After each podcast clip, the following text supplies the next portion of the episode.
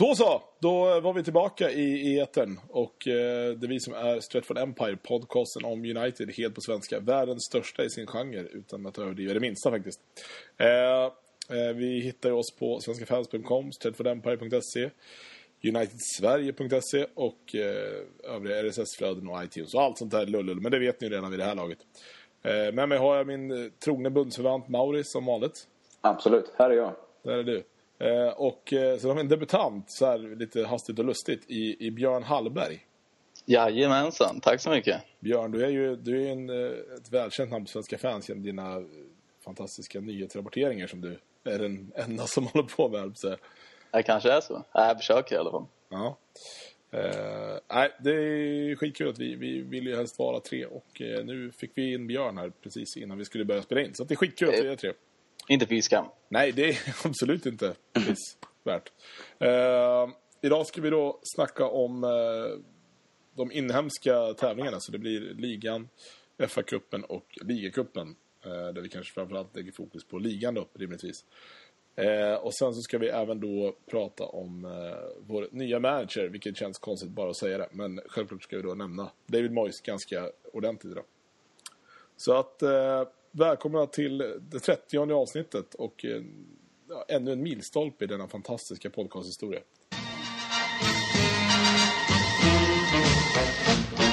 Now football is a pleasant game, played in the sun, played in the rain, and the team that gets me excited, Manchester United, Manchester, Manchester United, a bunch of bouncing Busby babes, they deserve to be knighted. Ja, men vi ska väl i alla fall eh, göra så att vi börjar någonstans där eh, det hela tog fart. Eh, 20 augusti klockan 9 svensk tid. Everton borta. Och ja, det var väl ingen som riktigt kanske tänkte att det skulle vara, vara tre rätta poäng. Och det var dessutom stryk med 1-0 efter att Fellaini gjorde det enda målet i 57 minuten. Om jag ber er försöka minnas någonting från den matchen, vad, vad är det då ni, ni minns? Ja, det var inte så mycket kanske. Eh, inget imponerande spel, vad vill jag minns i alla fall. Från Uniteds sida. Man Nej, trodde det att det var att slå tillbaka liksom. Från eh, 4-4 liksom. Och så, ja, nej, det blev inte riktigt det spelet man hade väntat sig med, med den eh, sommaren som hade och liksom den revanschlysten som man trodde skulle vara där. Vi kanske ska nämna det först, att vi hade en ganska speciell backlinje i den här matchen.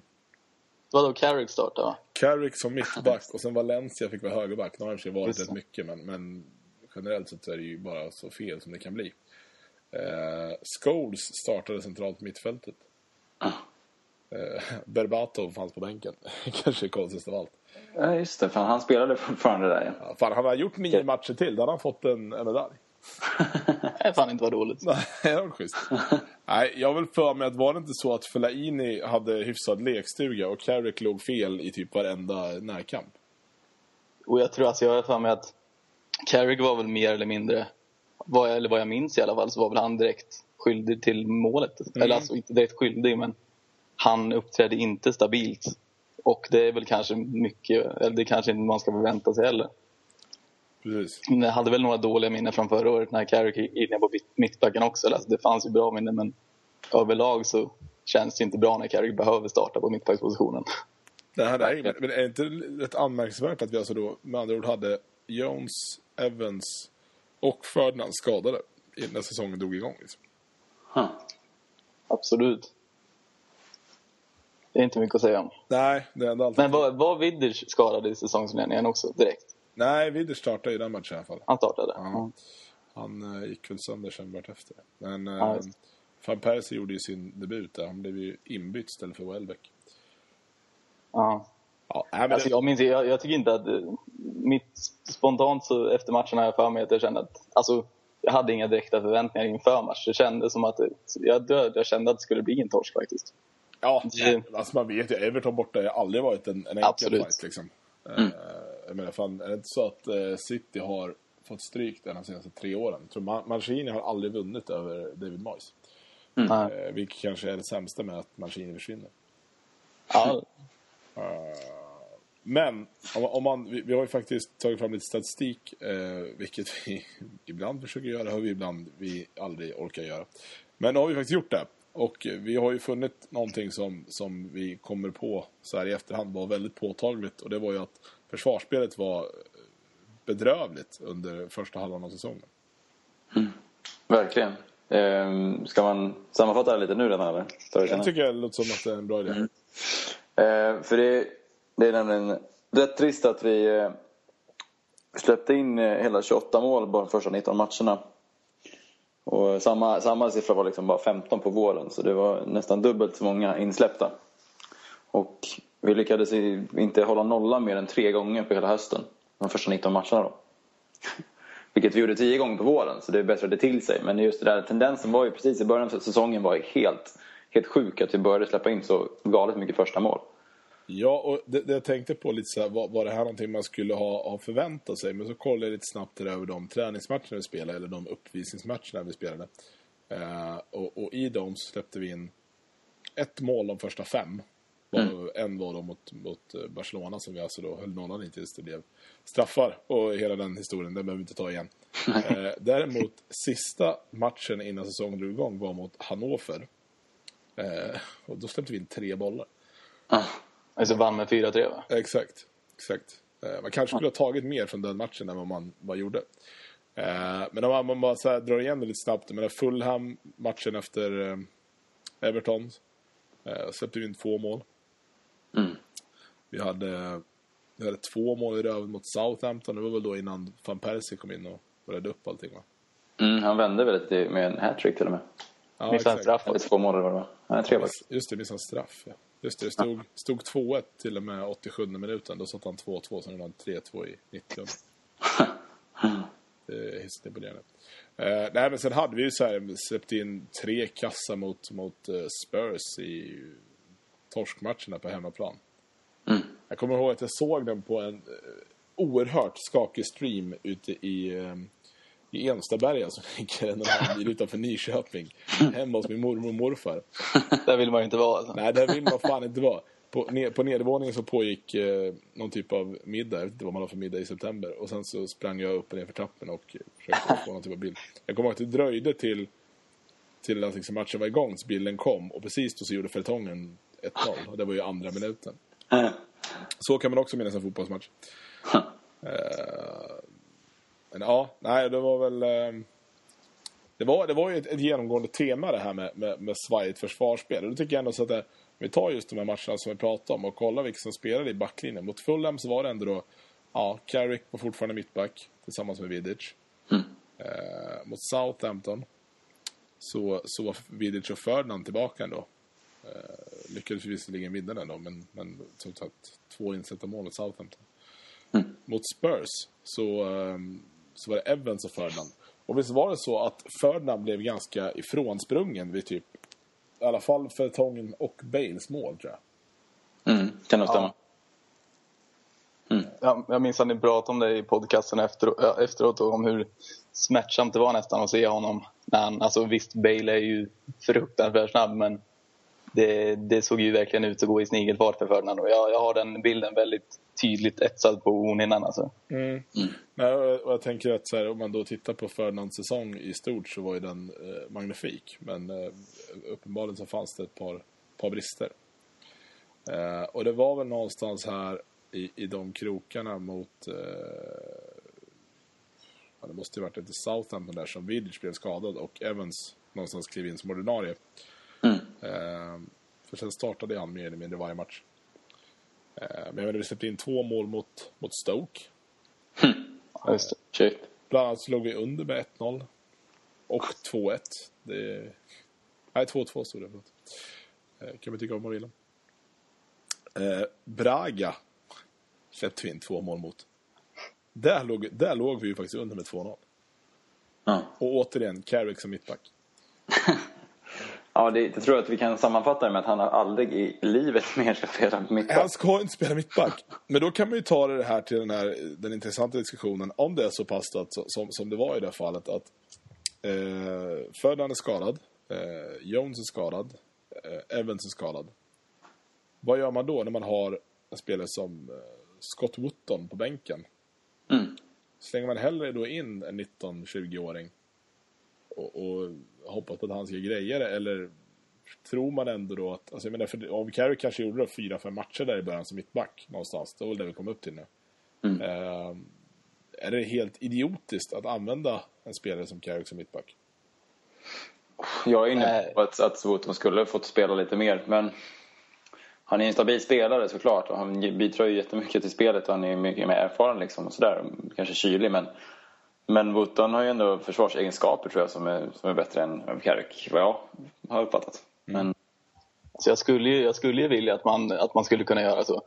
Men eh, alltså rent, rent krasst så, så om det väl skulle gå åt helvete om man ger Wootton chansen i en, två matcher då alltså det kan ju vara fruktansvärt förödande för, för den grabben, känner jag. Du menar alltså psyk, Ja, psyk, psykiskt kan man säga, inte vi såg väl, fick inte Wootton starta, var det ligacupmatchen mot Chelsea? Det var det, just har jag för mig. Och, han inte, och då, det var väl ingen... Ja, jag har för mig att det var den matchen som han verkligen var halvt under isen. Liksom. Och I ligacupen kan man ju tycka, där, där funkar det ändå för där hade, där hade United ändå, alltså det, hela det laget den matchen var ju yndlingsbetonat. Mm. Och då, då kan han liksom inte misslyckas på samma sätt.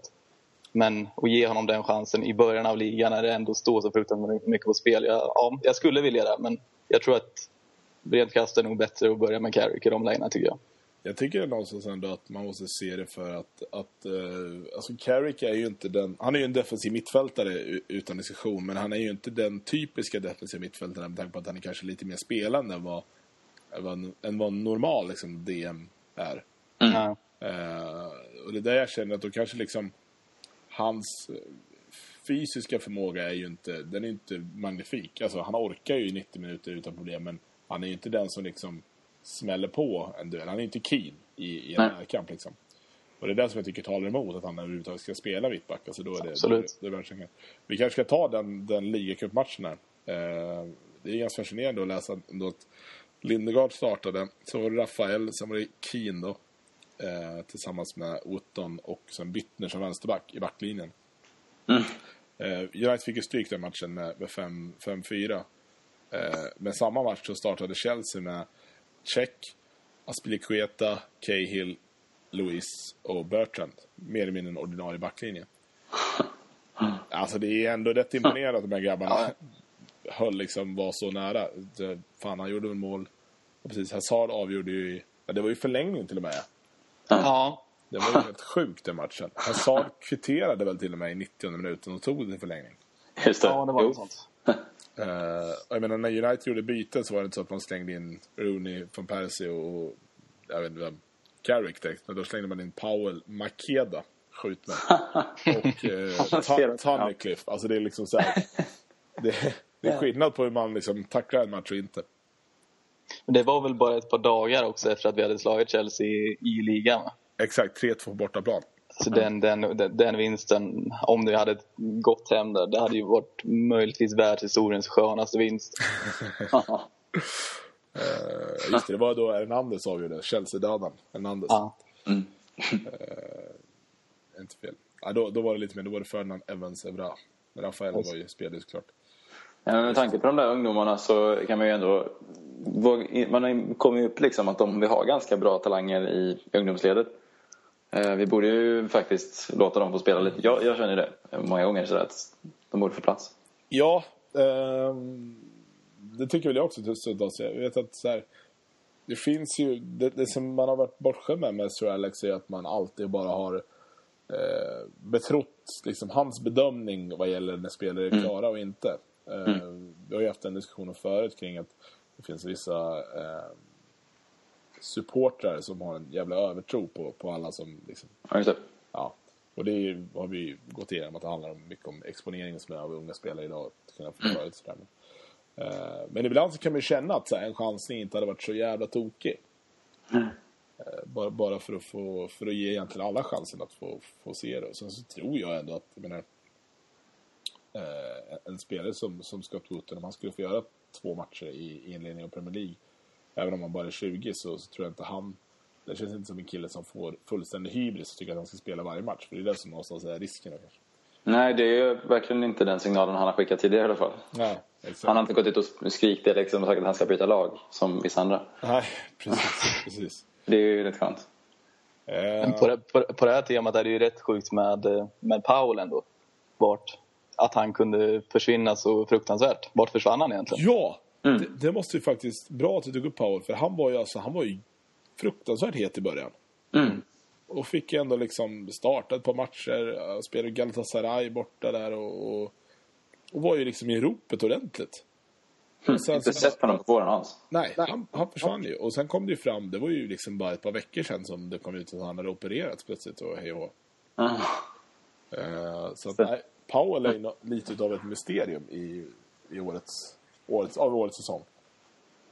Verkligen. Men vi tror väl på Powell, visst gör vi det? Det gör vi. Ja, absolut. Han visade riktigt Han glimtade till väldigt, väldigt härligt i vissa matcher. Han liksom tog för sig och vågade verkligen göra det också. Det Han, han gjorde väl sitt mål där som var fan världsklass, som Wigan eller vad det var. Ja, just det. Gjorde ju sig även Alexander Bittner mål och det ja, ska man ju inte dra för stora växlar av kanske. Tror vi på Brittner? eller? Jag vet fan, jag har alltid varit skeptisk till människor med för mycket tatueringar. Så det limmar inte riktigt. Nej. Ser lite för kaxig ut överlag alltså. Ja, det är väldigt kaxigt. Väldigt kaxigt. Eh, Typisk underground-holländare. ja, han är jävligt underground för ingen hade en aning om vad fan det var innan han kom. Så att, ja, det kan vi se. Eh, vi mötte Arsenal där i, eh, i början av oktober, november till och med. Eh, och Arsenal, året innan dess var ju, var ju den här legendariska 8-2-vinsten. och eh, Van Persie gjorde ju mål redan i, i tredje minuten då. Eh, vi vann med 2-1, Evra gjorde andra målet, Cazorla gjorde en reducering där i 94. Eh, Van Persie valde ju inte fira då. Mm. Och det här är ju ett, ett större ämne än, än, än själva liksom just det skeendet. Men, men när tycker ni att gränsen går för att det blir larvigt? Alltså förstår ni? Jag, jag tänker på så, Henke Larsson var ju någonstans här, en av pionjärerna i den här trenden att man inte jublar på sina gamla lag. Eh, när, han, när han valde att inte jubla för att han gjorde mål mot, mot Celtic. Och då hade ju han gjort liksom så här 370 säsonger där och 533 000 mål. Mm. Och då tyckte man bara det var coolt. Eh, Van Persie fick ju ändå en typ av, av judestämpel efter sig. När han, Mm. när han gick till United. Eftersom Arsenal-fans fortfarande tror att de är rivaler med United. Eh, tycker vi att det är rätt av Van Persie att inte jubla? Det är väl liksom den lilla frågan. Det var väl inte... Det var ju inte på um, Emirates, va? Nej, det var Paul Var Trafford. hemma. Mm. Jag vet inte. Jag, jag, jo, alltså första matchen mot dem känns det ju som att då kan man ju vara lite värdig på något sätt och visa lite respekt för sina hemmafans. För man, jag vet inte, men det är klart, det är det som du säger. Han, han lämnade med lite så här sten i skon så liksom. Men... eh, Ja, nej, jag, jag tyckte det var... Alltså, jag, jag klandrar inte honom. Nej. Tycker jag inte. Jag tycker, nog att, alltså, jag tycker nog också att det är rätt. Jag vet inte, just nu kommer jag inte på... Alltså, jag, jag hade absolut inte förväntat mig att han skulle jubla i alla fall. Jag kan... Ja, nu är det svårt att sätta... Nu tänkte jag säga om jag skulle vara fotbollsspelare, men det är ju, det är ju ett jävla Det var länge sedan. skitsnack. Det var länge sedan. eh, nej, men nej. Alltså, jag, jag ser inga problem med det. Nej. Har man varit i klubben i, hur länge var han där? Åtta, sju år och han har fått chans på chans på chans. Och slutligen så lyckas han och slår igenom på allvar och så släpper, släpper klubben honom efter, efter några om och några män. Så nej, jag tycker ändå att det känns fair att inte göra det. Om han gör mål nästa år mot Arsenal, ska jag jubla då? Känslan är att han kan göra det. Jag vet inte om han ska. Ja. Jag tror att han, att jag, i alla fall på hemmaplan. Sen är det på Emirates kanske han inte gör det. Men jag kan tro att han, att han i alla fall visar lite mer glädje på, på hemmaplan. Han, kom, han, kom, han, han, han lär ju inte, han lär ju ännu inte bli förlåten eller hur man ska säga. Så att, vad Nej, gör det för skillnad nu liksom? Ja, men det är lite det jag är inne på. Jag tycker så här någonstans att så här, vad fan spelar det för roll? De kommer inte älska dig någon gång igen. Utan du, är ju- du är ju bränd liksom. Mm. Fullständigt bränd. Ja, det är inte som Ronaldo som kommer hem riktigt. Nej, Tror jag inte. nej, Det, men, det är inte den känslan. precis. Det finns väl fortfarande några jävlar som, in, som ligger och eller inte ligger och som eh, älskar honom antar jag. Jag gick förbi ett fönster häromdagen eh, här i Ryd i min stadsdel Linköping. Då häng- hängde det faktiskt en Van Persie-tröja, Arsenal, i, i fönstret. Är det sant? Trodde, trodde aldrig jag skulle se det faktiskt. Det Det var väldigt det överraskande. är uppenbart en student som helt enkelt inte har råd att köpa en ny Arsenal-tröja. Ja, jag misstänker att han, är, att han ligger död där inne och inte liksom, än vad- Eh, apropå Linköping så, så vet jag att jag var i Linköping när, när United mötte Aston Villa borta. Ja, just det. Eh, och vi låg under med, med 2-0 och 2-1. Och sen så gjorde Hernandez, just det, Hernandez gjorde, um, avgjorde i 87 minuten. Jag tänkte vi kan vila lite på, på Hernandez säsong. För den är ganska, ganska fascinerande. Han kom ju väl ändå tvåa i skytteligan va? Internt eller i Ja, ligan? internt Ja, exakt. precis. Så, Ja, precis. Mm. Med hur många mål?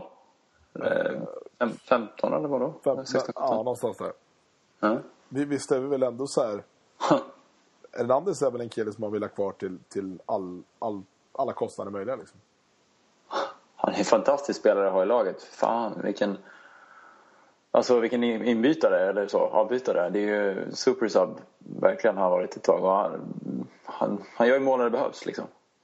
Han lyckats med. Jag tycker det är, det är fascinerande att se honom. Han, han är så jävla tacksam tycker jag också. Han verkar inte klaga någonting. Han är en sån, bara en skön lirare liksom, som, som gör de målen när de behövs komma. Det är, ah, jag tycker det är skittrevligt att ha kvar honom. Verkligen. Om, eh, om, eh, om vi i dagsläget, eh, Björn, måste välja mellan Hernandez eller Wayne Rooney. Det var en jävligt elak fråga tycker jag.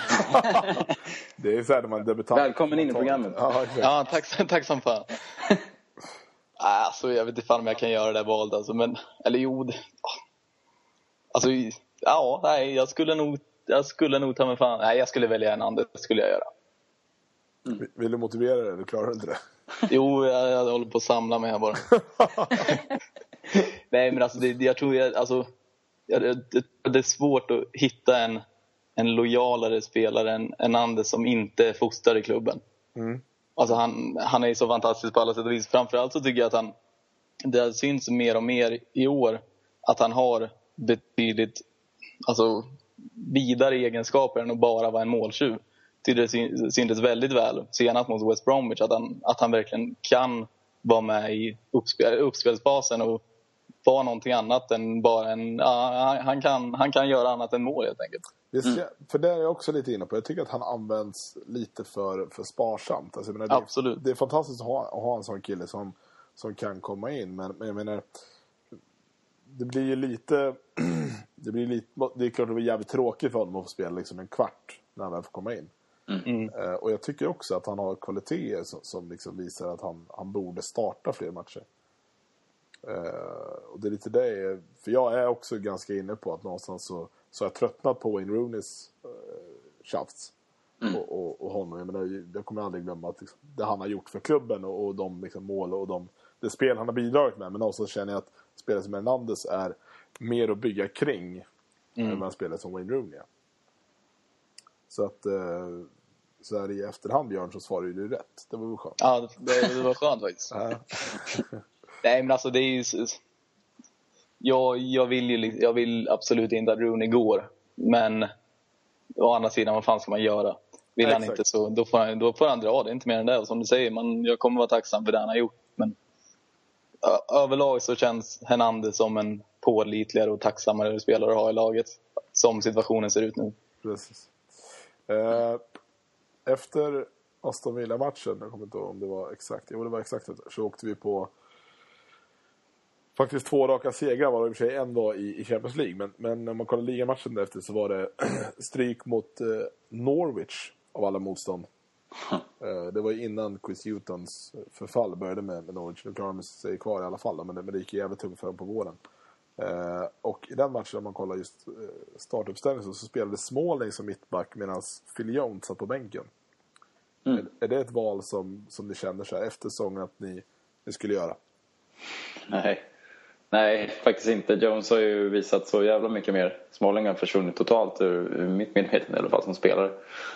Han har inte visat så jävla mycket när han har varit inne. Alltså. Och slarvat kanske snarare. Eh, Jones, ja, Jones är så har blivit en jävla klippa så tycker jag. Jag är imponerad av, av Jones och hans kvaliteter. Det, men eh, han behövs, eh, Smalling behöver ju också speltid liksom, för att växa såklart. Så på ett sätt kan man ju ge honom det men, men eh, i efterhand är det ju inte, inte alls rätt.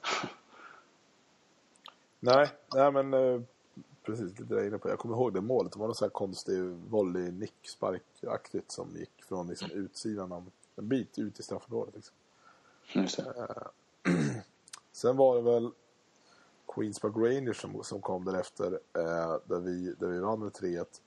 Och om jag inte helt, nu har jag inte gått liksom hela vägen fram här, men jag tror att det var Fletchers första mål sen, sen sjukdomsfrånvaron och eh, Det stämmer nog. rimligtvis hans, hans enda mål för det år va? Ja. Ja. Eh, Om man tittar på, på, på spelaren Fletcher. Säg att han kommer tillbaka till 75% av sin kapacitet. Eh, är, är, är det någonting som... Ska han då spela i United eller vill man hellre då antingen släppa honom till en annan klubb alternativt eh, göra honom till någon typ av ledar... Honom som en ledarroll liksom. Mm. Det är en, eh, det är en jävligt svår fråga det också. Det är en eh, sån här kille som jag känner att jag har lite för mycket, jag är lite för känslomässigt eh, engagerad för att kunna lämna ett sansat svar. Jag vill ju att han ska komma tillbaka at all cost, men alltså 75 procent av Fred, ja jo men jag, jag tycker nog man, ska, man, man borde definitivt bevara honom på ett eller annat sätt. Om han nu själv vill det, om han inte kan spela på den allra högsta nivån. Jag är tveksam till om han skulle vilja själv gå någon annanstans om han inte känner att han kan prestera till fullo. Nej, det är jag också inne på. Liksom, att det är, I så fall vill han ju säkert lägga det på hyllan istället. Och jag tycker han, han har haft en högsta kapacitet som är riktigt jävla hög. På mitten där. Och jag tror han, han och Carrick tillsammans kan bli jävligt intressant att se några gånger också. Ehm, Jag har för mig att de bytte lite tidigare när de spelade. Bara svagt minne av det, ni får rätta mig om jag har fel. Men att det var liksom antingen Carrick eller Fletcher förut. Mm, ja, så var det. Ehm, Nu tror jag att de skulle kunna köra rätt bra på mitten där Fletcher är lite mer offensiv. Ehm, Men mm, Fred- Fletcher har ju faktiskt varit i klubben sedan han var typ 14 bast eller någonting. Mm. Eh, vilket kanske är, är lätt att glömma bort till och från. Men, men jag, är- jag är lite så här, jag är svårt att se att han skulle gå till en annan klubb överhuvudtaget. Utan då skulle Ja. han nog hellre välja att bara skita i det och, och ta någon ledarroll. Mm. Eh, men som sagt, han, han lider av sin sjukdom och eh, ja, det är jävligt osäkert på om han ens kommer tillbaka någon gång. Men visst fan kom det någon, någon inte, inte från officiellt håll, men det kom väl någon form av rapport för inte allt för många veckor sedan som sa att operationen hade gått bra och att han var på väg tillbaka åtminstone. Mm. Jo, jag för mig att jag såg någon... Liksom, Läste det på The Guardian eller vad, fan, vad det nu var. Så det, det behöver ju inte vara helt sanningsenligt. Men det, det är ju det enda man har hört. För man, det har ju inte läckt ut någonting överhuvudtaget så att säga. Nej, och det var ju även alltså innan han eh, gjorde den här comebacken så, så var det ju ingen som visste någonting. Utan plötsligt var han ju bara där. Mm. För, för oss supportrar var det väl lite samma känsla som det var för spelaren när Paul Scholes plötsligt att jag omklädningsrummet förra säsongen. Det var ombytt. Ja. Så att, nej, jag tror, att, jag tror att det är väldigt få som vet exakt vad som händer. Tyvärr så tror jag väl kanske att eh, med tanke på Sir Alex avsked sen så, så tror jag kanske att han inte har riktigt samma drivkraft. För, för Sir Alex har ju varit som en pappa för honom eh, ända sedan han kom på klubben. Eller till klubben. Så att, nej, det är väldigt eh, spännande att se vad som händer med honom. Det vore coolt om han kom tillbaka. Eh, vi, spel, vi lyckades även släppa in tre mål mot Reading. Jag vet inte vad... vad ja, fan, den matchen kommer jag ihåg. Det var ju sju Nej. mål på, i första halvlek. Så hände 34 minuter va? Ja, exakt. Så hände Det är, fan, det är den sjukaste matchen i mannaminne tror jag. Ja, det var ju mål i varenda anfall liksom. Ja, Eh, jag kommer inte ihåg om... Och precis, van Persie gjorde sista i 34. Ja. ja just det. Mm. Nej, galen jävla tillställning. Eh, strax därefter så, så kom ju då eh, City-derbyt. Eh, på bortaplan. Och eh, vi tog en ganska komfortabel ledning med, med 2-0 i första halvlek. Eh, och, vad- och vad jag minns så var första halvlek en hyfsat liksom lugn och, och sansad resa. Är det, något, är det något ni kan understryka på eller har jag fel? Jag vill nog minnas det som så också faktiskt.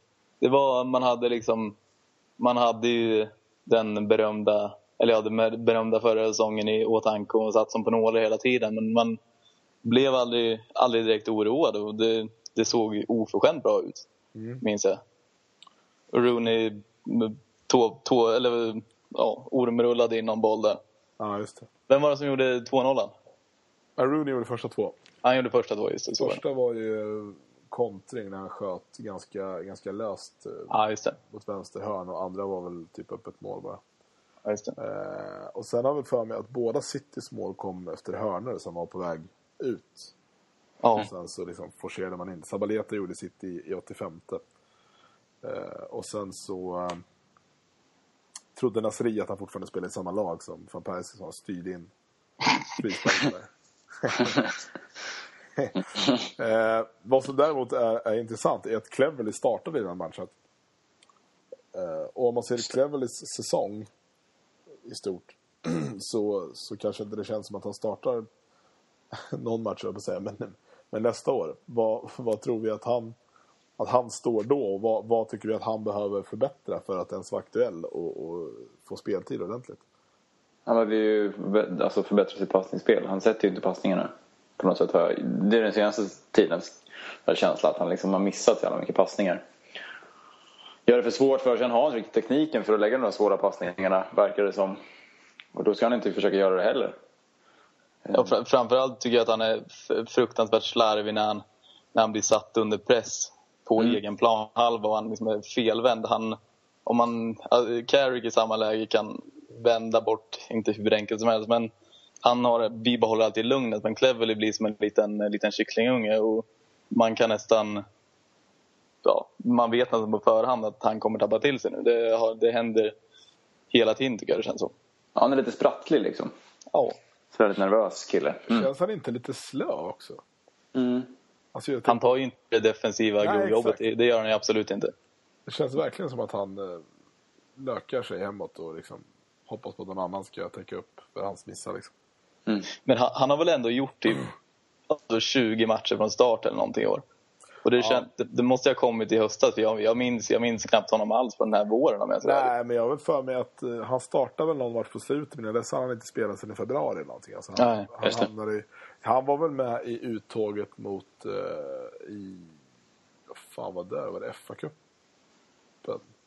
Det kan nog stämma. Ja, jag tror att det var så. Och där, det var ju en riktig jävla floppinsats ja, mot Chelsea. Mm. Var det väl. Eh, och sen dess så, så var ju han, han fick ju, han fick ju sitta liksom. Eh, nej. Eh, Cleverly har en, en lång väg att gå till nästa år och eh, med tanke på, alltså jag tror ändå att Sir Alex någonstans hade en bisarr tro på honom. Ja. Eh, sen, sen han var väldigt ung liksom. Och eh, så jag mm. tror att han tjänat, hade tjänat på om, om Sir Alex är kvar. Jag tror inte Absolut. att eh, David Moyes har samma liksom, förlåtande blick Ja, han är väl 23 bast nu, men det känns, ju, det, det, känns ju lite som att han skulle kunna bli den nya Andersson. Liksom. Ja, men lite så. Det känns som att han kanske, för hans eget bästa så har han varit, varit med för länge för att han inte ska kunna leverera bättre nu. Liksom. Ja, absolut. Men vet, han var ju Watford och var ju hur bra som helst eh, för ett par år sedan och, och sådär. Så man känner väl kanske lite att det är lite make it or break it nu den kommande säsong. Kanske var ja, redan den här säsongen helt. Han har väl varit ganska bra i landslaget också när han fått chansen.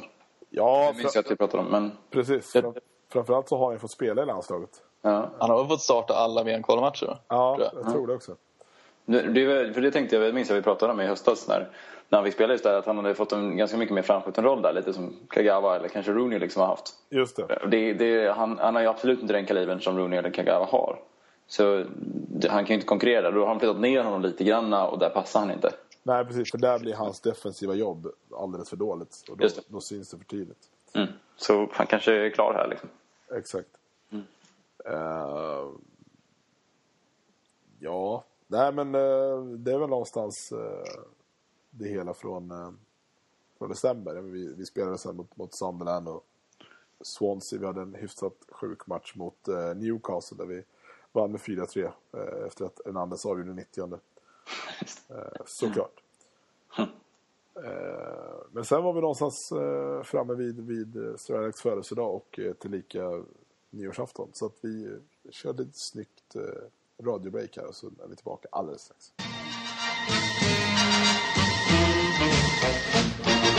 Yes, och eh, United var spelledare på, på nyårsafton. Vi mötte Wigan på nyårsdagen. Eh, vi spelade 2-2 mot West Ham i FA-cupen och eh, den kanske ska, ska nämnas lite kort för att det var ju faktiskt på väg ut ur FA-cupen redan i, jag vet inte fan vad kan det här vara, tredje rundan någonting? Ja, tredje rundan. Van Persie gjorde mål i, i, i 90 minuten och kvitterade och, och fick till omspel och det var man ju överlycklig över då. Om vi, om vi, om vi tar ligacupen och, och FA-cupen lite under, under lupp här då. Ehm, hur, hur, viktig, hur viktiga känns de, de kupperna inför en säsong? Alltså in, inför säsongen i år så känner de, kändes de absolut inte viktiga någonstans med tanke på att det var Premier League som skulle, eller Premier League-titeln som skulle återtas och vi skulle försöka återupprätta någon form av riktig Champions League. Men ju längre säsongen led så tycker jag ändå att framförallt FA-cupen kändes mer och mer viktig. Men det var väl också just för att, just för att ja, Sir Alex framförallt indikerade att han verkligen satsar på den och så här i efterhand så förstår man väl kanske varför. Just det. Just det. Uh, Ja, det fanns ju någon typ av, av eh, just den där känslan av att vilja ta trippen liksom på något sätt. Ja, jo, absolut. Det var ju det var där det hängde ihop känns jag. Jag tror inte att individuellt FA-cupen eller ligacupen var särskilt intressanta. I alla fall från min del var den absolut inte det, någon av dem. Det, är, sådär. Men, men det var när det kom upp liksom, tankar om trippel och när det kunde se, liksom, se ut som att det kunde gå. Eh, Då blev det ännu mer intressant. Om vi, om vi, eh, vi stannar lite vid, vid Sir Alex och hans. För det kom ju fram att han bestämde sig någonstans vid jul eller vid årsskiftet om att han skulle sluta. Mm. Eh, nu är det klart att det, här- det är kanske svårt att komma ihåg. Men, men om man tittar, kan man ha märkt någonting på honom i hans sätt att coacha? Eller är han så enkelspårig att det bara handlar om att vinna hela tiden? Det spelar fan ingen roll om, han ska, om det är hans sista eller första match i karriären. Ja, så det som, alltså som jag sa, dels prion på, på FA-cupen kan väl absolut ha varit någonting som man skulle kunna tolka på det här sättet. Just för att han, han ville ändå försöka vinna. För han insåg väl att Champions League skulle mycket till för att han skulle vinna. Men om han vann FA-cupen och ligan skulle han nog ta en dubbel sista året. Eh, och sen ja, men framförallt eh, Champions League-uttåget. Det var, ju, det var ju bedrövligt överlag. Men det var länge sedan, eller inte länge sedan, men den reaktionen på hela den grejen var ju... Ja, han, man kan inte säga att han överreagerade men han kanske inte hade reagerat så om det hade varit förra året. Liksom. Ja, just det. Nej, precis. Och det, det var vi inne på lite förra veckan, även hans, eh, hans ambivalens efter eh, det röda kortet var väl kanske tydligast tecknet på att han var nästan i chock Ja. eh, över vad som hände. Mm. Vi, eh, vi drog ju då statistiken förut, men det, det är ju värt att, att påpeka då att första 19 matcherna så, så var det, var det 3 nollor och eh, sista 19 matcherna var, var, det, var det 10 nollor. och eh, det berodde väl egentligen till stor del på, på Rio Ferdinand. Och så klart självklart när Vidic kom tillbaka. Mm. Ehm, och det, det kan vara kul när, när Björn inte har varit med förut. Vad, vad tror du inför nästa år? Nu har ju Ferdinand skrivit på ett, en förlängning på, på ett år. Eh, är det rätt att hoppas på att Ferdinand och Vidic kommer spela ett år tillsammans till? Jag tycker nog ändå, ja, jag tycker nog ändå att vi ska hoppas på det. Det känns, om, om de håller sig friska så skulle det kännas som att det vore fruktansvärt tryggt att ha de två i slag under den första säsongen under Mois, när det ändå är så pass mycket omdanande som händer när ja, Scholes försvinner återigen och stora delar av ledarstaben försvinner. Det skulle vara väldigt tryggt tycker jag. Mm. Men sen så är det såklart också att eh, jag menar Evans, Evans har presterat i princip alltid när han har spelat och det känns ju fel att försöka hålla honom borta från att spela till sin startplats. Men så som de har utnyttjats i år, eller vid Ferdinand, i och med att de vilas rätt ofta när Mm. deras kroppar är rätt sköra. Så Evans kommer ju få sina chanser i alla fall. Det är väl, det är väl Småling i så fall som blir lidande men, och eventuellt Jones. Men nej, jag, jag tycker nog ändå. Trygghet, det behöver vi. Eh, för vi har ju en annan kille som varit med någon gång med, med, som, som heter Paul då. Han, han, eh, han sågar ju gärna Evans i varje läge han får. eh, Vilket vi till och med har fått såväl mejl som kommentarer om att eh, sågningen av Evans är, är orättvisa. Är det något som, som du skriver under på också? Att du tycker att, vad fan, så jävla illa är jag inte. Jag tycker jag skulle absolut inte vilja såga Evans. Ja, det kan jag tycka är hårt. Jag vet faktiskt inte om jag har hört det själv. Men det, jag, jag kan tänka mig att det är någon form av mentalitet som lever, lever kvar sen för ett par år sedan. För han, han har ju ändå varit känd för att kunna göra rejäla tabbar och strula upp totalt. Och det vet jag att alltså många av mina kompisar som är United, eller som är, som är United-fans också brukar allt som oftast hacka på Evans. Men jag tycker i år och förra året till stora delar förtjänar han inte mycket skit alls, tycker inte jag. Det är väl någonting som är ganska återkommande kring fotbollssupportrar att man har svårt att... det kanske gäller livet i sig, det är ju en, en väldigt stor fråga då såklart. Mm. Uh, men det här med att, att släppa en, en, en åsikt som man en gång har fått. Ja, men en, bild av, en bild av en person eller sådär, av en spelare är ju ganska svår att sudda ut när den väl har liksom etsats in på innan. Mm. Det, det, är ju verkligen så. När man, när man har fått en, en viss uppfattning så då, då, känner man de känslorna varje gång man ser personen. Man vet liksom, det, det kan hända någonting, man, man har en osäkerhet kvar. Liksom. Den resan från en person till en annan har väl någonstans Michael Carrick gjort? Mm. Ja, tvärtom precis. Ja, exakt, han har gjort den, den bättre mm. resan så att säga. Mm. Det är riktigt häftigt. Från att ha varit en ganska tråkig och stel eh, spelare till att bli jävla general. Och egentligen, det sker ju det också det. Från ja. att varit en lite osäkerhet till att vara, faktiskt börja bli rätt bra målvakt. Verkligen. Eh, sen var det det här, sen kom ju, ja, vi behöver inte, vi behöver inte traggla oss igenom vintern för att man vill ju inte prata om en vinter. Men det var, det var ganska, ganska behagliga eh, resultat. Det var mycket uddamålssegrar, eh, 2-1, 1-0. Eh, till exempel Reading Sunderland var 1-0 två matcher i rad. Sen så kom ju då torsken mot Chelsea i FA-cupen där i början av april, första april till och med. Eh, jag kommer inte ihåg den matchen så pass mycket mer än att jag kommer ihåg målet var ju så jävla konstmål av Demabava. Mm. Framför, framförallt så kommer jag väl ihåg första rundan på hemmaplan när vi ledde med 2-0 efter, vadå, 10 minuter, en kvart. Mm. Uh, och sen någonstans så slängde de in Hazard och Oscar och fan vad de heter. Uh, och, uh, och fick en jävla fart på det. Just det, Rooney gjorde 2-0 i elfte minuten och sen så ja, just det. Hazard 59 Ramirez 68 det kändes ju någonstans lite symptomatiskt att okej, okay, tappar man 2-0 på hemmaplan så vinner man inte på bortaplan.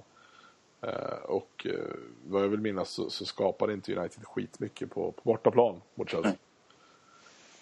Men, Nej, det var nog jag för mig att det var en rätt så genom, alltså rätt grå insats rätt igenom. Det, ja, det var, var, inte mycket att snacka om i retur, returen egentligen, även om inte Chelsea gjorde någon hel match de heller. Men Nej, det... men det, det, var en ganska tråkig fotboll liksom. Det var ja, verkligen. destruktivt. Uh, sen mötte vi då City på, på hemmaplan eh, ganska direkt därefter och, eh, och fick stryk med, med 2-1. Och eh, om, ni, om ni försöker någonstans hitta tillbaka till, till den, till den eh, eftermatchen-känslan. Var ni någon gång där oroliga för att fan, nu kommer andra år, nu kommer förra året tillbaka? Nej, jag var inte orolig att det skulle falla ut för bara för den förlusten. Det var jag inte. Jag, jag hade, ja, United kändes så pass stabila nu liksom vid den här tiden på året. Eh, så det, det började kännas som att det här kunde vi faktiskt fixa ändå. Liksom, att det inte skulle påverka vårt humör och vår form. Jag vet inte. Det, vad känner ni? Jag minns faktiskt att jag, alltså, jag fick nog lite så här småpanik eller vad man ska säga. Inte panik men jag började tänka väldigt mycket på det. Men sen så är jag född förlorare i grunden också. Så det, jag, jag förväntar mig liksom inte så mycket annat. Jag minns att jag gick där liksom, den kommande veckan efteråt det var väl ett intensivt matchande då minns jag. Liksom, ja, räknade rätt mycket på det. Liksom, hur, mycket, hur, mycket, hur många poäng måste vi ta nu? Hur många poäng måste vi ta nu? Och så där. så ja, jag fick ändå lite, lite nervdallrar eller vad man säger. Mm. Det, var, det skilde alltså, efter den matchen så skilde det 12 poäng. Ja. Mellan United och, och City och det var sju matcher kvar att spela. Jag kommer ihåg att de satt i, i Premier League-studion där på, på Viasat och eh, det var nästan som att det typ var klart att City skulle vinna. Mm. Eh, väldigt fascinerande eh, att lyssna på såklart. Men sen var det ju, om man kollar på avslutningen så, så det var 2-2 mot West Ham, det var 3-0 mot Aston Villa, det var 1-1 mot Arsenal. Eh, ja, nu i och för sig alla matcher efter Arsenal, eller efter Aston Villa är ju ganska ointressanta med tanke på att då var det redan klart. Men om man ser till att vi hade eh, vi hade torskat mot, mot Stoke i matchen efter derbyt. Eh, vi hade tappat poäng mot West Ham. Vi kanske tappat poäng, poäng mot Aston Villa. Det hade varit fascinerande att se ett, ett sista race som liksom gick inför kanske inte sista avgörande matchen för det är väldigt osannolikt. Men i alla fall inför liksom vet, Chelsea borta. Tänk om vi hade, eller Chelsea hemma var det förstås. Mm. Uh, tänk om vi hade fått avgöra genom att vinna mot Chelsea hemma. Det hade varit coolt. jag, jag tror det blev lite avspänt på något sätt. Vad heter det? Liksom, avslaget. Lite, avslaget menar jag precis. Mm. Där just alla de där sista matcherna. Det kändes som att man inte riktigt tog det på allvar och gjorde inte riktigt så mycket som man hade. Om det hade varit mer spännande så hade de ju kämpat så jävla mycket hårdare. Liksom. Ja, men så är det. Men det, var, det, är samma sak som, som eh, om man kollar på kollar på, på mitt jobb till exempel. Jag menar, om, ja, om jag har gjort budget så, så mm. ger jag ju fan i resten. Typ. Mm, mm. Så jag tror att inte min chef lyssnar på det. jag är glad för. Men om vi ska någonstans betygsätta Uniteds eh, säsong i eh, i de inhemska tävlingarna då. Vi gjorde vi i alla fall väldigt eh, grandiost i Champions League. Så det måste vi väl göra här också då. Vad, eh, 1 10, vad får eh, Uniteds säsong för betyg på om man kollar på ligan, FA-cupen och ligacupen? Separat eller? eller? Nej, totalt. Tutti. Ja, just det. Ligan kan ju bara vara en 10, för vi vann ju skiten. Mm, då får man ju väga av liksom, hur dåligt var det. Ja, precis. andra. För det var ju ingen fullpoängare. Mm. Ja, jag, jag, skulle nog ändå säga en, eh, en, en eh, åtta eller något. Med tanke på att, äh, åtta, ja kanske. Det var, det var ju tufft motstånd rätt i, alltså i FA-cupen, det var ju tufft Premier League-motstånd i varje, varje omgång. Och ut mot Chelsea, inte, inte, inte skitdåligt. Samma sak i ligacupen och ut mot Chelsea. Och där hade det ju varit mer eller mindre en bragd om vi hade slagit Chelsea med det här laget. Så att, mm. Äh, en åtta, snudda på en nia skulle jag säga. Mm. Ja, ja, ja. Det... Jag är ändå, ändå inne på en sjua någonting sånt där. Det känns som liksom en, en prioriteringsfråga. Att man, man kunde väl ändå ha inte, satsat lite mer på dem. Men eh, med tanke på alla andra turneringar som var rätt tuffa och sådär så, alltså, ja, så, så kan man väl ändå tycka att det var jävligt bra. Men en sjua, jag får säga en sjua då. U ursäkta, nu ringer min dörr. Du får hänga kvar en sekund. Ja, det är lugnt. Jävligt snygg signal. Inplanerat, precis. är, det en, är det en hemlig gäst? Ja, precis. Jag har, jag har en hemlig gäst i studion. Bo Bojan Djordjic kanske? Fan vad kul. Det hade varit jävligt spexigt. Jehovas vittnen kommer in i podcasten. vad säger du? Jehovas vittne i podcasten. Jaha, nej, min, min granne hon skulle berätta att min nyckelknippa satt fast i dörren. Oj, jävlar. Men det gör han rätt ofta så det var inte så nytt. Mm. Hon brukar aldrig ringa på. Hon brukar inte ringa på och säga att uh, den sitter inte kvar i dörren längre men den satt där förut. Ja, nej, det har aldrig hänt. Uh, ja, nej men jag, jag köper era motiveringar. Jag tycker bara att uh, om man kollar på FA-cupen tycker jag det är fascinerande att United år efter år alltid bara får Premier League-motstånd och aldrig får möta typ ja. Och sådär. Mm, mm. Uh, Faktiskt. Men, det, men det är ju sånt som Liverpool-människor inte pratar om med tanke på att de åker ut mot lag som Oldham. uh, så, då fick vi det sagt. Uh, härligt. Vi, vi gör bokslut över den inhemska säsongen genom att konstatera att det är eh, med marginal godkänd och att eh, ligan var prio och vi tog hem den och eh, ja, allt annat känns eh, oväsentligt i, i sammanhanget.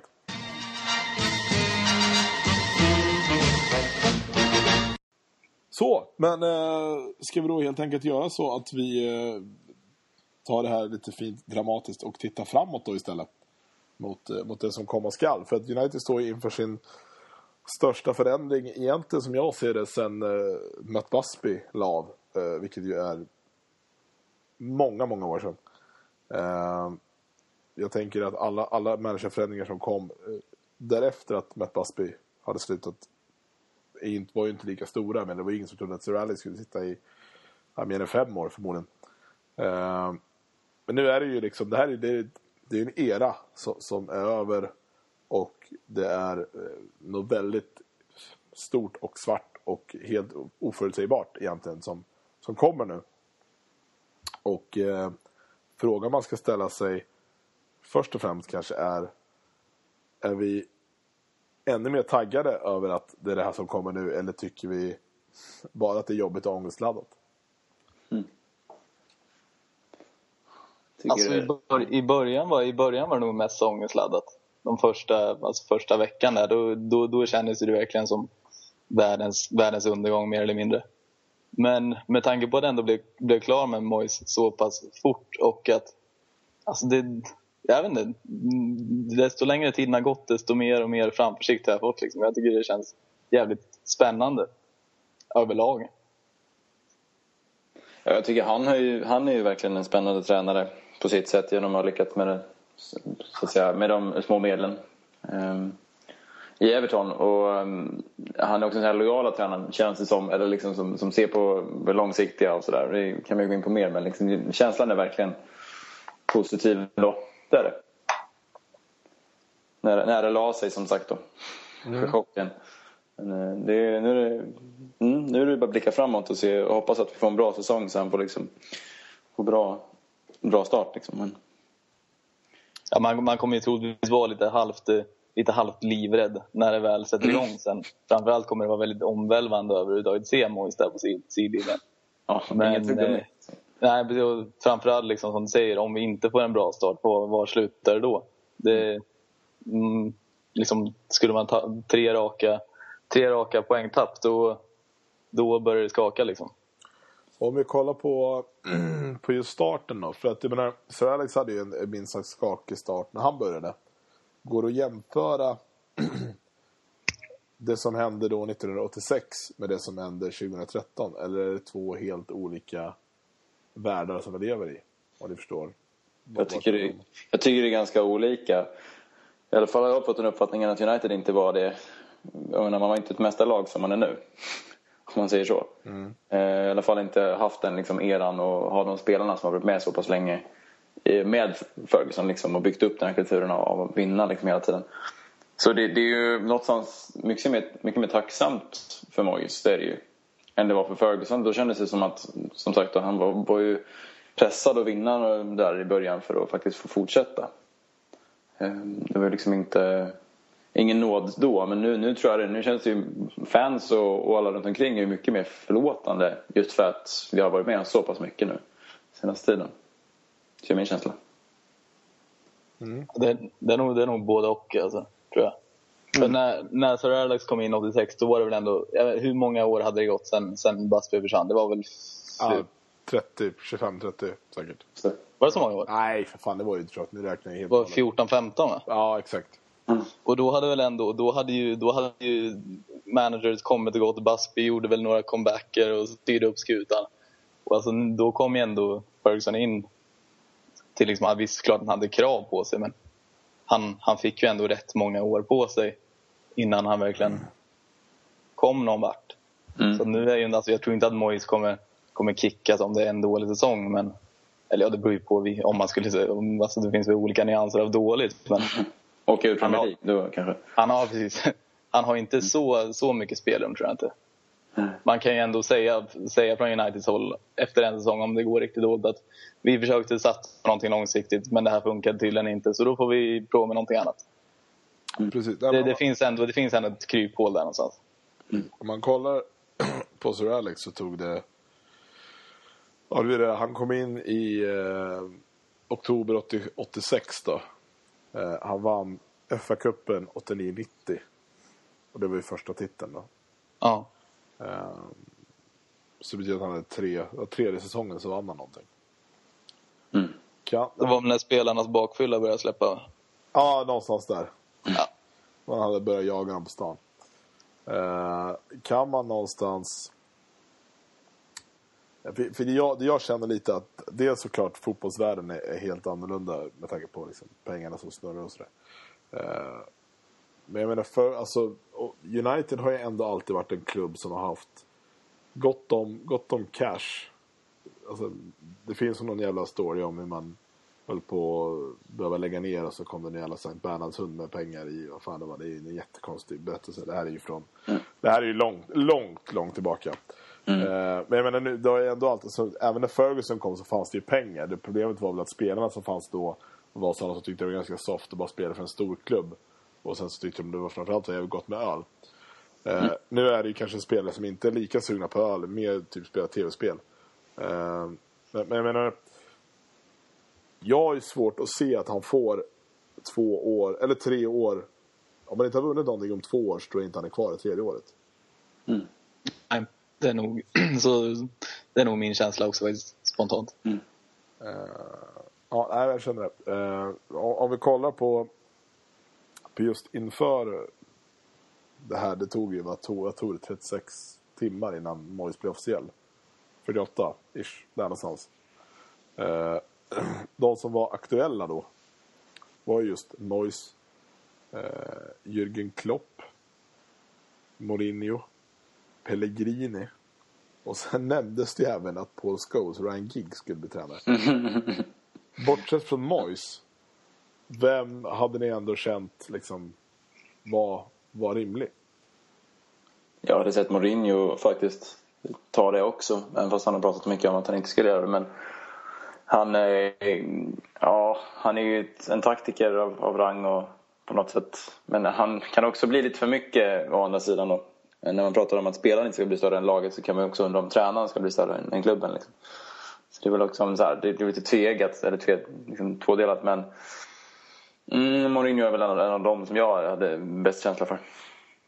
Så det, det, var ju, det var ju en eh, kittlande tanke liksom, om Mourinho skulle komma och så skulle han ta med sig Ronaldo. Liksom. Men det, alltså, det, det, det är ju, det, jag tror aldrig att det var mer än en kittlande tanke heller. Det, det känns i det långa loppet för orealistiskt, tycker jag i alla fall. Mm. Men eh, alltså mest trevligt, jag vet inte, alltså Ole Gunnar, förr eller senare i alla fall. Men jag vet inte, kanske för han, det kanske inte var ett realistiskt alternativ nu. Nej, det är faktiskt sant.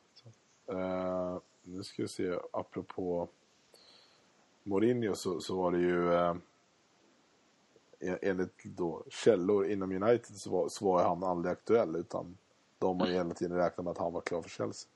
Ja. Vilket är ganska intressant med tanke på allt snack som var när, eh, när eh, United mötte Real och hur han betedde sig in, inför klubben och allting. Att han var ju väldigt respektfull och, och allt mm. det där. Men äh, det är fascinerande och det är sånt där som man aldrig får reda på, på gott och ont. Att, ja, man vet, man vet ju aldrig riktigt vad som har sagts och tänkt. Eh, så är det. Men eh, David Moyes då, vad har vi för, eh, för uppfattning och tankar om, om honom? Och kanske inte då bara just som United-manager utan som eh, person, hans eh, resultat i framförallt Everton är väl det vi tittar på. Eh, är, är det en manager som vi som vi gillar bortsett från att han just nu är United-manager? Det tycker jag. Alltså man, man eh, kan ju alltid ta upp de uppenbara positiva sakerna så kan man ju alltid ta upp de uppenbara negativa sakerna. Och det uppenbara positiva är just det här som har vevats, att han verkar, han har kontinuitet, han är karismatisk, han, han, är av, han är av rätt skola så att säga allting där passar ju bra. Det har ju vevats om och om igen. Eh, sen den, den, det främsta negativa är väl, eller jag vet inte hur, hur mycket värde man ska lägga ner där, men just att ja, han har ju faktiskt aldrig vunnit någonting. Och han har väl aldrig slagit något av topp fyra lagen på bortaplan eller vad det är. Det, är liksom, det, kan, det kanske är skits, skitsaker egentligen, men det finns ändå någonting där tycker jag. Att han är inte en inte en naturlig vinnare på samma sätt. Kanske. Men det måste ju vara en omställning att gå från att nu ska vi liksom, ja, vi ska komma upp till högre platser i tabellen liksom, till att nu, nu ska vi faktiskt vinna allting vi gör. Att vad man säger till spelarna det är ju lite annorlunda. Eh, så Team Talk blir ju ganska mycket mer liksom, fokus på att, att faktiskt vinna allting och, och, lite mer press på sig kanske också. Liksom. Det, Mm. Det kan ju bli lite knepigt för honom. Början. Det, det jag kan tycka är tråkigt med honom är att ehm, det, det sämsta fenomenet som jag tycker finns i Premier League eh, kring framförallt kanske lagen då som, som inte är i den absoluta toppen det är att man snurrar tränare om vartannat. Jag menar typ så här Harry Redknapp har varit överallt, Sam Allardyce har varit överallt. Alltså det är liksom det är samma jävla gubbar som rullar runt. Mm. Eh, när man tog Sir Alex så tog man honom från den skotska ligan. Jag kommer ihåg, för det finns ju någon, någon sägen om hur man ringde och förställde rösten, låtsades vara någon annan för att ens få prata med Alex Ferguson. Ja, det. Kan man inte tycka att det är lite fantasilöst att ta någon från, från ett annat Premier League-lag? Eller är det så att ja, marknaden är inte liksom bättre utan den är så jävla avskalad nu så att det, liksom, det är det här du har att välja på. Eh, Så att det är liksom det enda alternativet. Så i slutändan tycker jag ändå att det kändes som det enda alternativet. Men det kanske är just för att han har någonstans ändå varit utmålad som den som, som tronarvingen i rätt många år ändå. Ja, och alltså, visst, fantasilöst, jag vet inte riktigt.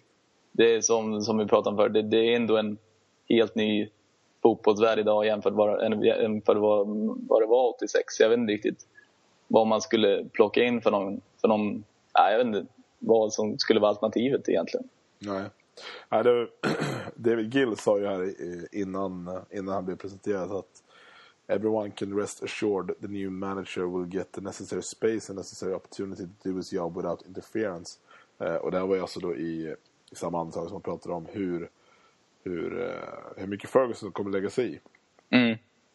Och där har vi också en, en, eh, en ganska viktig del. Liksom, för Gill sa också att one thing we can say about Alex is that he'll know when he should be involving himself and when he shouldn't.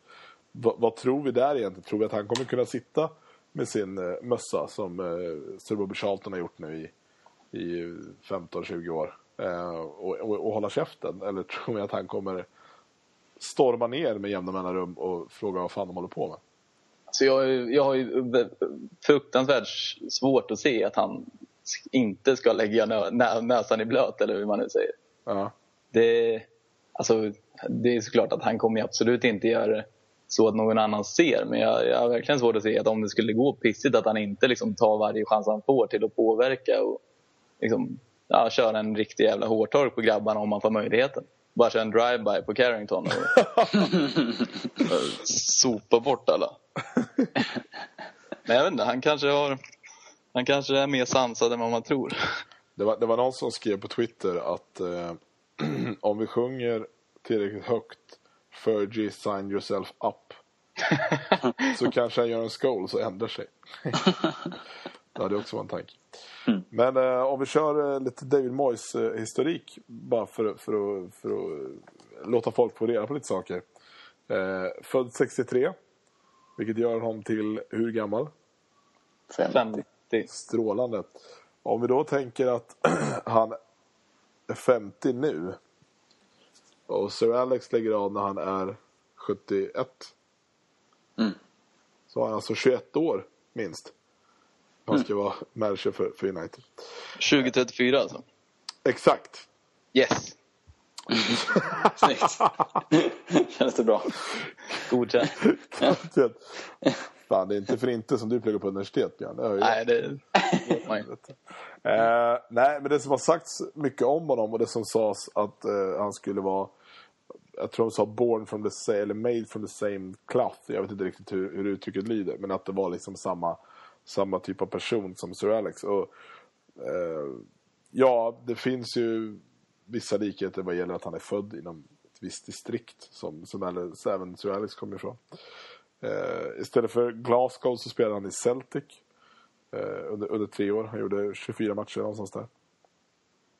Eh, men sen harvade han ju ganska mycket i, i lite sämre lag tills han kom till... Eh, han spelade även i Preston. Där gjorde han ju 140 matcher. Och, men sen är ju alltså... Managerkarriären är ju ändå ganska beskedlig om vi säger så. Alltså in, innan Everton så hade han ju bara varit i just Preston. Mm.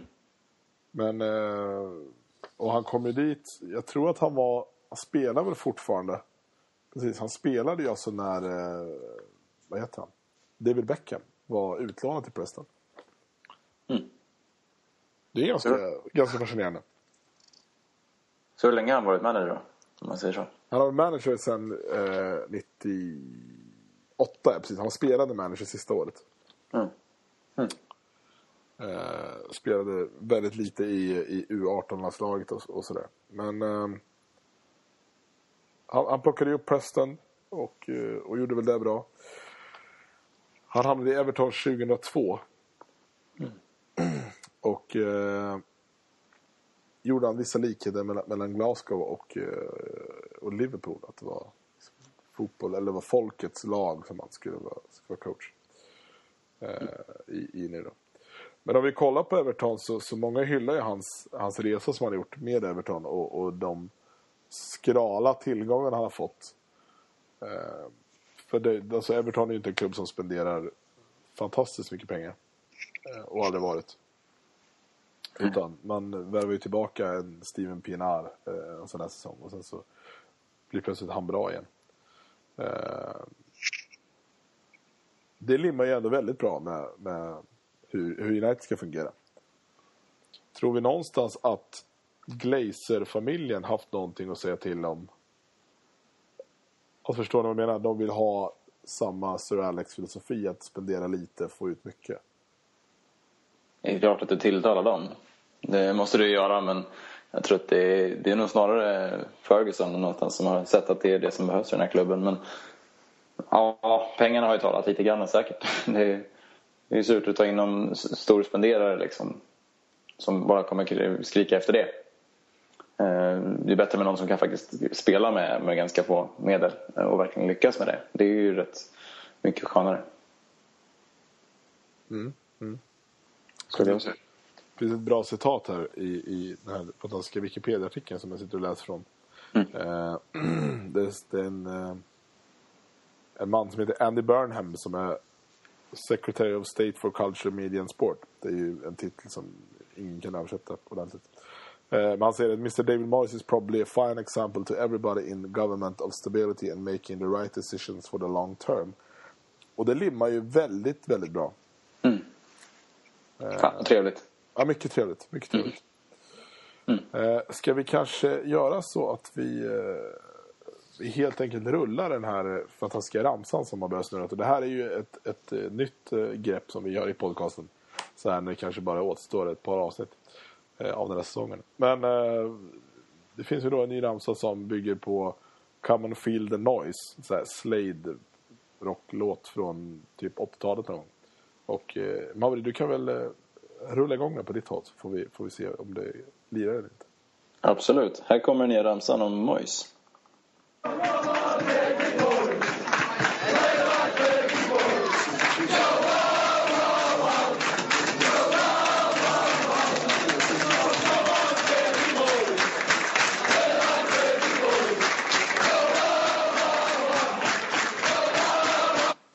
Mm-hmm. Hmm? So come on David Moyes, play like Fergie's boys. We go wild, wild, wild. Um, Se- Sett till att vi inte vill att han ska ha Fergusons skugga över sig. Är det, är det en, bra ramsa egentligen? Ja, jag vet inte. Det, det är en skön ramsa tycker jag. Mm. Mm. Jag gillar Jag är trallvänlig. Jag satt och nickade med duktigt. Alltså. Riktigt trallvänlig. Ja, inte svänger den. Absolut. Ja. Nej, vi, vi, vi hoppas på att det blir bra, både Ramsa och, och David Moyes. Ehm, och eh, nej, men det, alltså, det är väl lite som jag varit inne på. Det finns inte finns inte så många, fanns inte så många alternativ som var, som var värdiga egentligen. Gött! Uh, härligt. Vi eh, tar oss vidare. Och eh, tänkte väl egentligen bara dra ett par eh, par snabba eh, puckar här. Martinez ser ut att lämna Wigan nu med tanke på att de åkte ur. Eh, och där har ju Enriquez varit utlånad till. Och Björn, du har haft ganska bra koll på, på våra utlånade spelare under säsongen. Det har inte varit så jävla svårt att hålla koll på Enriquez faktiskt. Visst har han spelat marginellt? Väldigt marginellt. Eh, Alltså i Premier League, jag vet inte, alltså han har väl fått... Alltså jag undrar om han har fått alltså allt som allt minut. Jag vet inte om det kan vara mer än en halvlek. Alltså han har ju bara gjort sådana här cameos, inhopp eller vad man nu ska säga. mm. Jag tror- inte att han gjorde någon match från start. Han gjorde väl någon från i FA-cupen eventuellt. Men alltså nu mot, nu mot slutet, det är helt, eh, helt borta. Ingenting.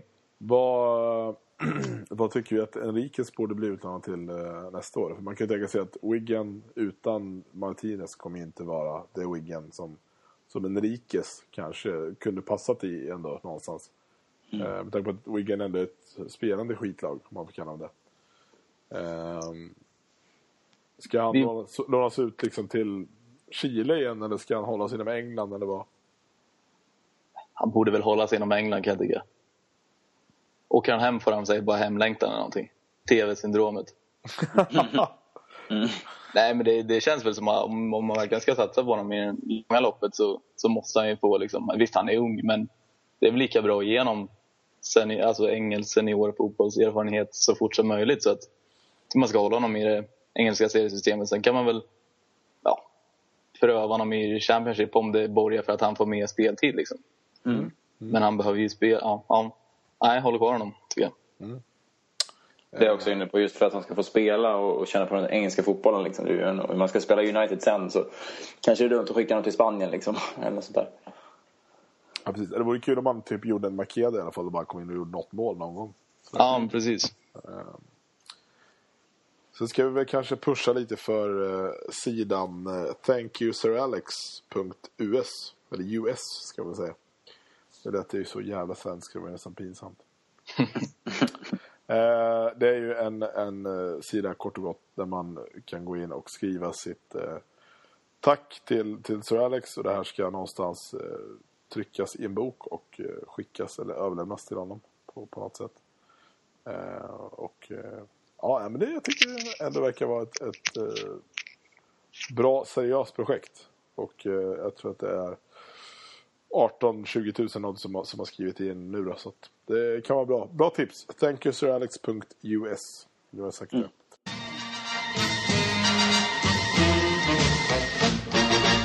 I övrigt så, så tycker jag väl någonstans att eh, det här var ett gediget avsnitt. Det Det är var bra att göra debut. Ja, det gjorde du bra. Ja, Jag har längtat efter det här sen ni pratade om i det här avsnittet om eh, moldavisk fotboll för några Ja, just det. Då blev jag ju nästan utdömd så nu tänkte jag att nu måste jag komma hit och visa att jag kan prata i alla fall, att det inte är stum. ja, ja, vi måste få in det här med moldavisk fotboll någon gång också tycker jag. Ja, ja, men det tar vi. Det är väl, eh, England möter väl Moldavien här någon gång framöver, så då tar vi det. Ja, precis. Då vill vi ha en genomgående rapport kring, kring den Ja, men det- det löser jag. framtiden. Härligt. Kanske ett nytt Belgien som är på frammarsch. Ja, absolut. Ja. Alltid lovande. Alltid lovande. Skitbra. Uh, nu har vi ju faktiskt någonstans sammanfattat hela den här säsongen över två avsnitt. Vilket man kan tycka är ganska starkt att man sammanfattar typ 60 fotbollsmatcher på ungefär två timmar. Eh, men det går det med. Eh, vi ska väl i alla fall göra ett eller ett par lite sådana silly season truppavsnitt där vi, vi går igenom vad, vad som kan tänkas behövas och sådär. Och sen får vi lite se hur, hur det ser ut under sommaren, eller hur Mauri? Mm, ja, precis. Det får ju, jag menar, kan det vara landslagsfotboll och sånt. Jag vet inte om det kommer sen. Så kanske man vill snacka lite om, om Uniteds insatser, om det är något att ha liksom. Exakt, exakt. Och, Tänkte väl nu faktiskt att om man ska inte skulle ge säsongens Suarez till Suarez. Sitter på sin plats. Ja, det känns fullt rimligt faktiskt. Vi fick ju inte ens ge honom någon veckans Suarez för hans beat-attack. För då har Nej. inte avsnitt där. Så det, ja, det känns helt klart rimligt. eh, vi eh, lämnar det väl någonstans där och sen så ber vi er att eh, skicka mail och eh, twittra och skriva på Facebook och fan hans moster. Eh, med saker som ni tycker att vi borde ha med i podcasten eller saker som vi borde göra i podcasten. Det brukar ju vara lite sådär, så sådär med, med förslag och så.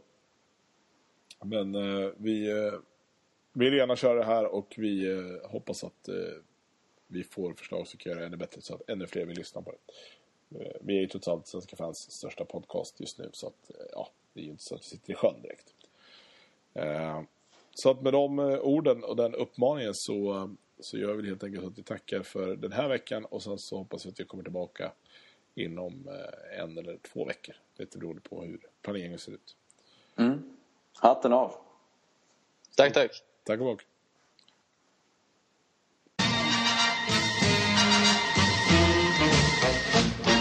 Now football is a pleasant game. Played in the sun, played in the rain, and the team that gets me excited. Manchester United. Manchester Of bouncing Busby babes. They deserve to be knighted.